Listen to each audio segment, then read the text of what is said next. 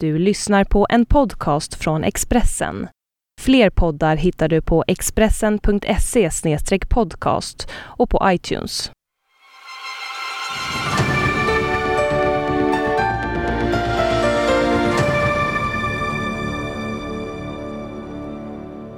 Välkomna till Pilblad och Svensson, programmet där vi håller koll på de sociala medierna och också frågar ut makthavare. Idag får ni träffa mannen som leder Sveriges mest hemliga myndighet, Säpo. Välkommen Anders Thornberg. Tack så mycket. I kvällens program träffar vi också radioprofilen Sissi Wallin som i veckan har rasat mot tjejtidningarnas fokusering på vikt. TV-profilen Anna Hedenstam, hon är med oss eh, direkt ifrån Malmö, staden som just nu förbereder sig inför Eurovision Song Contest. Och vi följer och kommenterar också det ni skriver via vår hashtag på Twitter, TVPS. Och ni kan självklart också följa oss på Twitter och via Pilblad och Svenssons Facebook-sida. Och vi måste börja med en sak, för jag, jag har svårt att släppa det här och det handlar ju förstås om Carl Bildt, utrikesministerns eh, samtal till Ring P1 förra veckan. Det blev ju en jättegrej inom de sociala medierna, Niklas. Ja, det får man onekligen säga. Vi lät Novus, eh, undersökningsföretaget, mäta vilka ord som har förknippats med utrikesministern den senaste veckan. Och så här ser det ut. Karl ringer, ringer, P1 ringde, Ekot. Är inte mycket utrikespolitik när vi tittar på vad det sagts om Carl Bildt den senaste veckan. Nej, verkligen inte. Och Carl Bildt själv, han verkade ju närmast förundrad över den här uppmärksamheten. Han twittrade en hel del om det här. Han skrev till exempel så här, eh, eftersom att Ekot antydde att han skulle ha bett om ursäkt för att han i första hand valde Ring P1 istället för att låta sig intervjuas av Ekot. Och då skrev han så här. Det är en myt att jag skulle ha bett om ursäkt för att jag ringt P1. Varför skulle jag ha gjort det? konstig tanke. Har han någonsin bett om ursäkt, Carl Bildt? Det tror jag inte. Han har pudlat vid något tillfälle, det vet jag. Men bett om ursäkt, det har han faktiskt inte gjort. Eh, han twittrade också så här i veckan, att jag ringt P1 verkar vara en större story i svenska media än hela utvecklingen i Afrika, Lite självupptaget kanske. det får man onekligen säga. Carl Bildt som för övrigt kommer till mitt andra tv-program Bar och politik den 30 maj. Missa inte det. Anders Thornberg, eh, skulle du i något fall kunna tänka dig att eh, ringa eh, Ring P1 framför en intervju med Ekot? Jag har inte tänkt på, på det, men jag, det händer att jag får ringa till media i olika sammanhang för att man vill förmedla en korrekt bild och då tar man den kanalen som man har tillgång till. Så att. Mm. En eh, person som jag inte tror är så väldigt glad över medias uppmärksamhet just nu, det är en, eh, en Israels premiärminister Benjamin Netanyahu. För det här har vi snappat upp, det som har skrivits om honom. När han skulle flyga till eh, Margaret Thatchers begravning i London så lät han installera en ny säng i planet för 800 000 kronor. Riktigt så fint flyger inte de svenska ministrarna tror jag, men de kan ju ha kul ändå. Infrastrukturminister Katarina Elmsäter-Svärd till exempel, hon tog med sig medarbetarna på eh, inspelningen av Let's Dance i TV4 i fredags. Eh, och är det inte hög tid nu att vi får se en politiker i det här programmet? Absolut, men jag kan nog tänka mig att de kommer råka lite blåsväder och ifrågasättas i så fall. Alldeles säkert. Vem, vem av eh, ministrarna tror du dansar bäst? Då måste jag svara Lena Adelsohn Liljeroth, kulturministern. Jo, nej, men jag tänker på den här berömda bilden från slutet på 70-talet som togs på hennes man, Ulf Adelsohn, tidigare moderatledare och landshövding. Det var en bild på honom i bastkjol när han dansade i Manila och då kan jag tänka mig att det kanske dansas en del i den här familjen. Absolut, en klassiker, en klassisk bild. En som eh, gärna eh, delar med sig av bilder i sociala medier det är Filippa Reinfeldt. Vi har ju pratat om det tidigare och här ser vi nu en bild på henne när hon invigde sommarambulanshelikoptern på Värmdö häromdagen. Mm, och förhoppningsvis har vi henne här i studion som gäst om bara några veckor i Pilblad och Svensson. Eh, en person som är väldigt aktiv inom de sociala medierna är radioprofilen Sissi Wallin. Hon skriver och berättar om väldigt mycket, hon upprörs över mycket och är ganska hård mot de hårda. Det handlar ofta om jämställdhet eller om unga kvinnors situation. Och I veckan har hon reagerat över den överdrivna fokusering inom tjejtidningarna när det gäller unga tjejers vikt. Här ser vi en tweet som hon har skrivit. Vad vill egentligen tidningen Frida uppnå med att köra stort reportage om kändistjejers vikt? Hur ska en 13-åring hantera den informationen? undrar hon. Och Cissi Wallin är nu med oss direkt. Varför har du reagerat på det här Cissi? Hej! Eh, för mig har det, ser ni mig för det första? Vi ser dig Cissi. Jag hörs. Eh, jag är så narcissistisk, jag måste bekräfta det först. eh, nej, men jag tycker att det är självklart att reagera och jag kan ibland bli ganska irriterad på att man att en del människor reagerar på att jag reagerar. Som att det skulle vara något konstigt att reagera. Jag tycker snarare det är konstigt att inte reagera. Eh, hade jag haft en eh, dotter som hade läst Frida så hade jag varit jättebeklämd. Liksom. För Frid, tidningen Fridas reella målgrupp är 10 till 14-åringar. De som läser tidningen. Och eh, det här fokuset är ju helt skevt. De har ju ingen koll med tanke på hur vanligt det är. Unga kvinnor eh, i den enda grupp i samhället som ständigt minskar i vikt. Nu är jag ju lite för gammal för jag är nästan 30 men jag tror det är så här 15 till 24 så är det bara mer och mer undervikt som blir bland unga tjejer. Och då tycker jag man på tidningar som faktiskt når väldigt många ska ta ansvar för det och ta hänsyn eh, ta hänsyn till det framför allt och inte fortsätta reproducera de här bilderna för det blir liksom inget bra. Så. Vilken typ av reaktioner har du fått på de här inläggen som du har gjort? Eh, mestadels positivt. Eh, sen finns det alltid den här gruppen som, som reagerar över att man reagerar. Men jag tror att de är lite fega själva och skulle egentligen vilja brinna för saker och ryta ifrån. Men de vågar inte riktigt. Cissi Wallin, vad, vad tycker du om tjejtidningar överlag då? De fyller ju ingen funktion längre. Jag tycker inte man ska ha könade tidningar utan Idag så har män och kvinnor ganska, unga tjejer och killar också, ganska gemensamma intressen. Man gillar såväl kläder som dataspel och därför kan man ha tidningar för människor istället. Um, Cosmopolitan gick ju i graven här i Sverige. Det tror jag inte dröjer länge innan många andra tjejtidningar också går i graven. Så att jag, jag, tycker att det känns väldigt omodernt på ett sätt. Tidningar för människor, Expressen. Läs Expressen Aha, i fortsättningen. Läs Expressen. Oj, där fick du in Niklas. Tusen tack för att du var med oss, Cissi Wallin. Eh, Cissi hon brinner mycket för jämställdhetsfrågor. Då mm. osökt kommer jag att mm. tänka på hur det ser ut i din organisation. 64 procent män. Mm. Är du mm. stolt över det? Nej, vi, vi, kan inte vara nöjda med, med det. Vi jobbar väldigt hårt. Vi har ett mål från regeringen att vi ska öka jämställdheten och det är också ett mål för mig som, som chef för Säkerhetspolisen att vi ska få en bättre mångfald. Så vi har ett aktivt program. Till exempel har vi gjort riktade rekryteringar nu till livvakterna där vi, där vi har svårt att, att få in kvinnliga livvakter. Och då har vi haft ett speciellt program nu för att öka det och vi jobbar aktivt med det med, med olika åtgärder. Men på kort sikt så eh, ser det lite, eh, inte riktigt bra ut, men på lång sikt är jag helt övertygad om att det kommer att bli bra för att vi har fått in en helt andra yrkeskategorier och vi ser hur det börjar växa nerifrån och vi har eh, till exempel i vår operativa verksamhet, kärnoperativa verksamheten, så om man tar bort livvakteriet så, så är 40% kvinnor. Hos våra analytiker så är det 60% som är kvinnor nu och i, i chefskaderna i, i eh, nerifrån så växer det upp fler och fler kvinnor som, som kommer. Så att vi, vi jobbar hårt och oförtrutet och det kommer vi fixa. Vi ska återkomma mer till din eh, verksamhet lite senare, men nu ska vi ändå uppmärksamma en jättegrej på, inom de sociala medierna den här veckan. Absolut. Eh, vi talar om Kalla Anka, en tidning, eller? Vi talar om Kalanka, eh, tidningen som just kommit ut eh, och då handlar det förstås om eh, Eurovision och slager.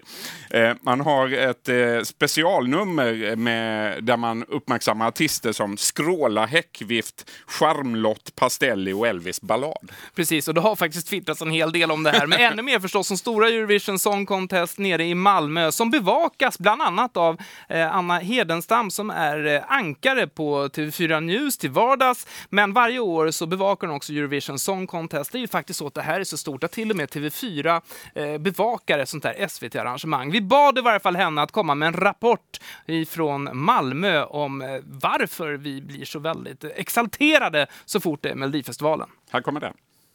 Hej Niklas och Anders. Här står jag i Malmö Arena och väntar på genrepet av den första semifinalen i Eurovision Song Contest. Tävlingen som förenar så många länder, så många folk, så många kulturer. 120 miljoner väntas titta på finalen på lördag.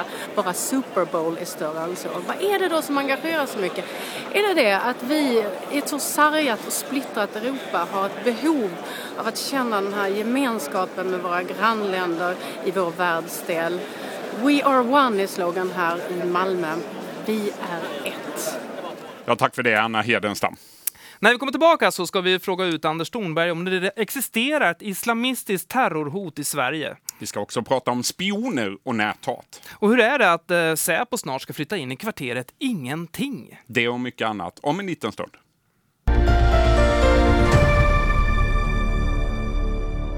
Välkomna tillbaka till Pilblad och Svensson där vi idag gästas av Säpochefen Anders Thornberg. Eh, på Facebook så avslöjas det idag att det finns en grupp som kallar sig Svenska Mujahedin som påstår att en Säpo-agent avslöjats i Syrien, något som senare visade sig vara fel. Hur reagerade du när du hörde det här påståendet? Vi följer hela tiden allting som sker på nätet och i alla inf upptänkliga informationskanaler. Eh, och vi läser naturligtvis eh, eh Expressen och tittar på Aftonbladet och, och, och eh, TV4 också för att skaffa oss uppgifter. Men vi är också en, en eh, säkerhetstjänst och en myndighet som har skyldighet att, att, ta reda på information. Så vi, vi, följer allting som händer och sen så behandlar vi det på det sätt, när vi behöver använda det så använder vi det. Vad vet ni om den här gruppen som kallar sig Svenska Mujahedin?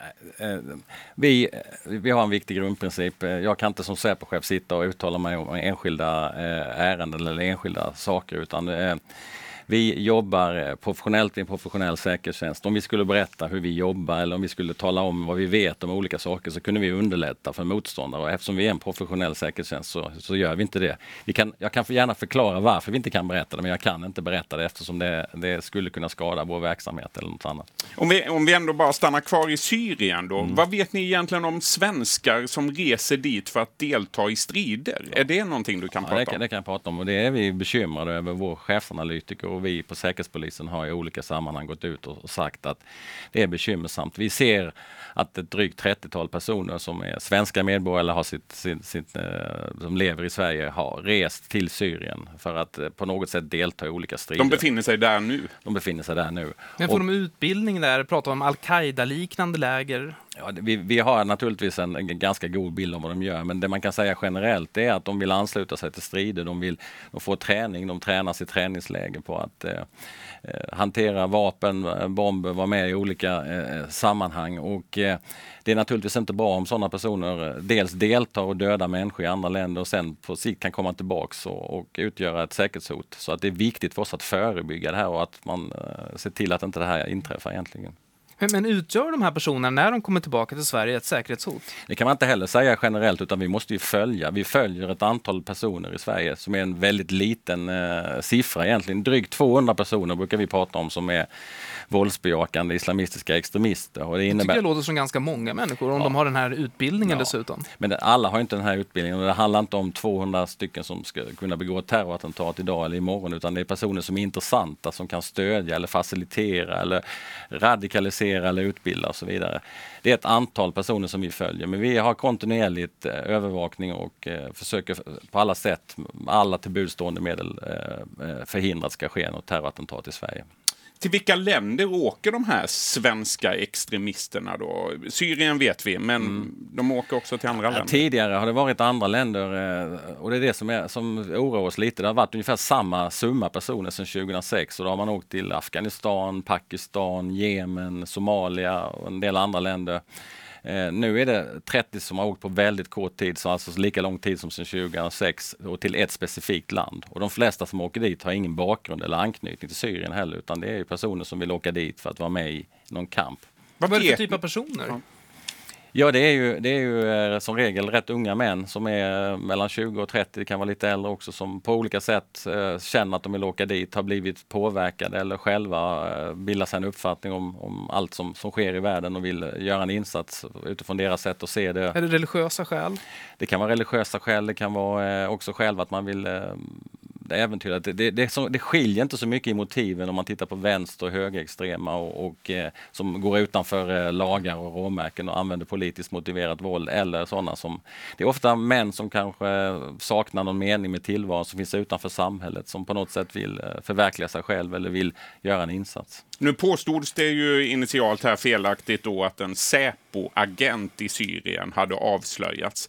Eh, en för många tror jag otrolig uppgift, mm. men Finns det några svenska Säpo-agenter i Syrien? Alltså, eh, återigen, eh, om och hur vi arbetar i, och svarar ja eller nej på olika frågor, det gör inte jag när det gäller operativa frågor. För att vi, vi vill inte underlätta för motståndare, att man ska förstå hur vi arbetar. Och det kan tyckas lite kanske lite att vi borde kunna svara. Vi vill svara på så många frågor som möjligt och det, det, det vill vi verkligen göra. Men vi måste vara professionella så att vi vet precis vad vi ska säga och inte säga. Och det är därför jag svarar som jag gör nu. Vad man däremot måste kunna fråga om det är ju resultatet av, av Mm. era insatser. Ja. Så om man frågar så här då, har Säpo kunnat eh, stoppa ett terrordåd i Sverige? Svar ja. Kan du berätta mer om det?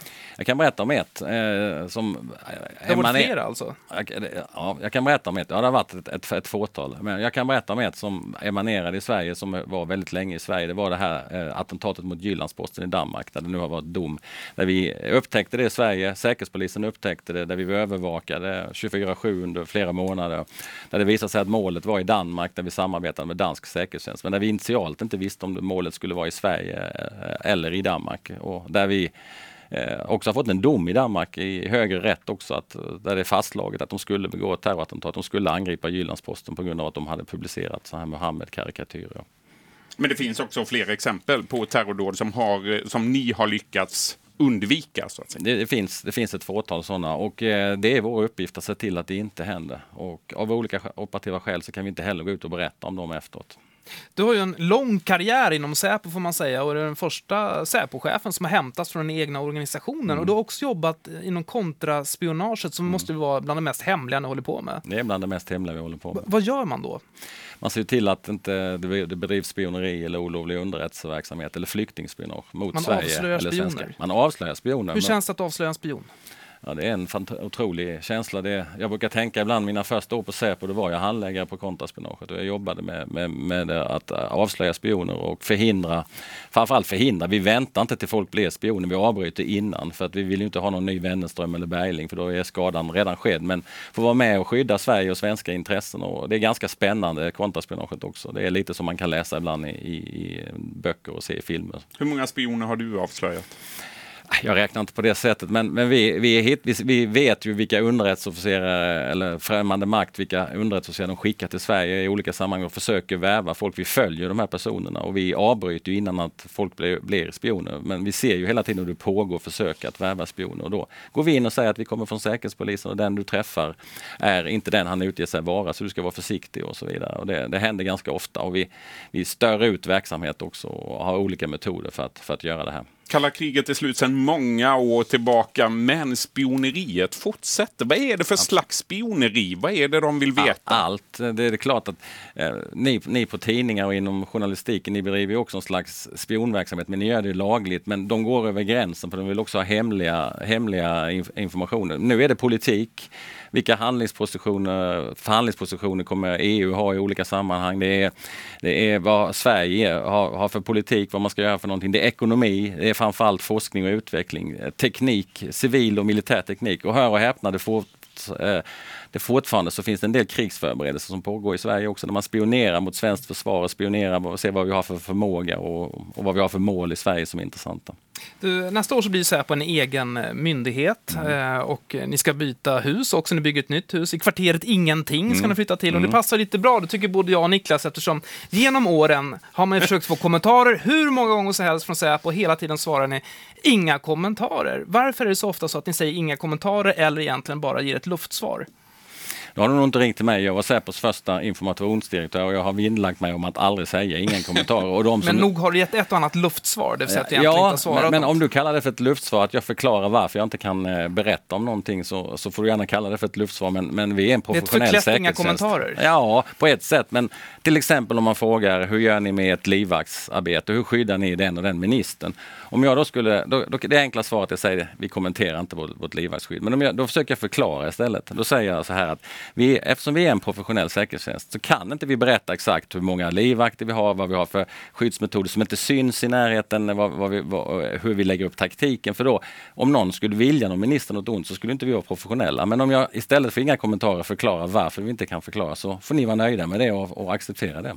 Du Anders Thornberg, i det här programmet pratar vi mycket om det som händer i sociala medier som Twitter, Instagram och, och Facebook. Och på senare tid har det varit en debatt om näthat och vi fick häromdagen veta att varannan kvinnlig riksdagsledamot Mm. har blivit hotad under det senaste året. Hur allvarligt är det här? Nej, jag är bekymrad och jag tycker att det är allvarligt. Och för det första vill jag slå fast att det är fullständigt oacceptabelt att man blir, att man blir utsatt för hat när man uttrycker sina åsikter. Vi lever i ett av de mest demokratiska länderna i världen. Det- ska inte få gå till på det här sättet. Sen måste man sortera vem som har ansvar och hur man ska jobba i de olika delarna. För det första så måste ju vi få veta att det har hänt och då.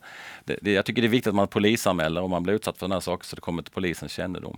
När det gäller enskilda individer så är det polismyndigheterna i Sverige som har ansvar för det. Säkerhetspolisen, vi har ett ansvar att skydda den centrala statsledningen. 400 personer, det är ministrar och riksdagsledamöter och, och statschefen. Eh, och sen så eh, Eh, om det är systematiskt för att man till exempel hotar journalister för att man ska få journalister att sluta skriva eller något, då kan Säkerhetspolisen gå in också. Så vi jobbar mycket tillsammans med polismyndigheterna. Men jag tycker man ska fortsätta prata om det, man ska polisanmäla och man ska se till att beivra sånt här, för det är helt oacceptabelt man inte får uttrycka åsikter. Uppmaningen är polisanmäl om du blir näthatad. Du, eh, vi brukar avsluta det här programmet med att eh, ställa en fråga som man inte säger svaret på, utan man skriver ner det på en lapp istället. Vi ska börja med att se hur Karl Petter Thorwaldsson tipsade, tippade förra veckan. Du kan öppna kuvertet. Eh, Hur många mål gör Sverige mot Kanada? löd frågan. Vi snackar hockey, eller hur Vi Niklas? snackar hockey och jag vet, för jag har pratat med våra sportreportrar här på tidningen, jag vet att matchen, eh, att, att Sverige inte gjorde några mål i ska den matchen. Vad skrev Thorwaldsson? LO-ordföranden som alltså LO-ordföranden han skrev att det var enkelt och att det var fyra mål. Fyra mål! Det var väldigt fel, väldigt fel Ordentligt. Thorwaldsson. Ja. Nu ska vi se hur det går för dig här, för du ska få en, en fråga som vi tror att du kan svara på. Frågan lyder, vilket land vinner Eurovision Song Contest? Då skriver alltså bara upp eh, eh, landets namn där, så ska vi öppna det kuvertet nästa Men vecka. säg inte vad du skriver, varsågod och skriv. Om du har rätt nästa vecka kommer vi ana någon sorts konspiration. Ibland så brukar man ju säga att Säpo är inblandat i olika konspirationsteorier. Så att, eh, varsågod och skriv ner. Alltså jag har Sveriges bästa analytiker hos oss så att Ja. de, brukar, de, brukar, de brukar förbereda mig för allting men det här, det här, det här var, vi, var jag inte förberedd på. Det ska bli väldigt spännande att se vad du skriver för någonting och det kommer ni få se nästa vecka på tisdag i nästa eh, program av Pilblad och Svensson. Jajamän, följ oss eh, under veckan på Twitter, att Niklas Svensson, att Pillblad. Och kommentera programmet kan ni göra via vår hashtag TVPS. Anders, tack för att du var med Tack oss. så mycket. Stort tack! Tack. Och vi syns nästa vecka. Det gör vi. Tack och hej!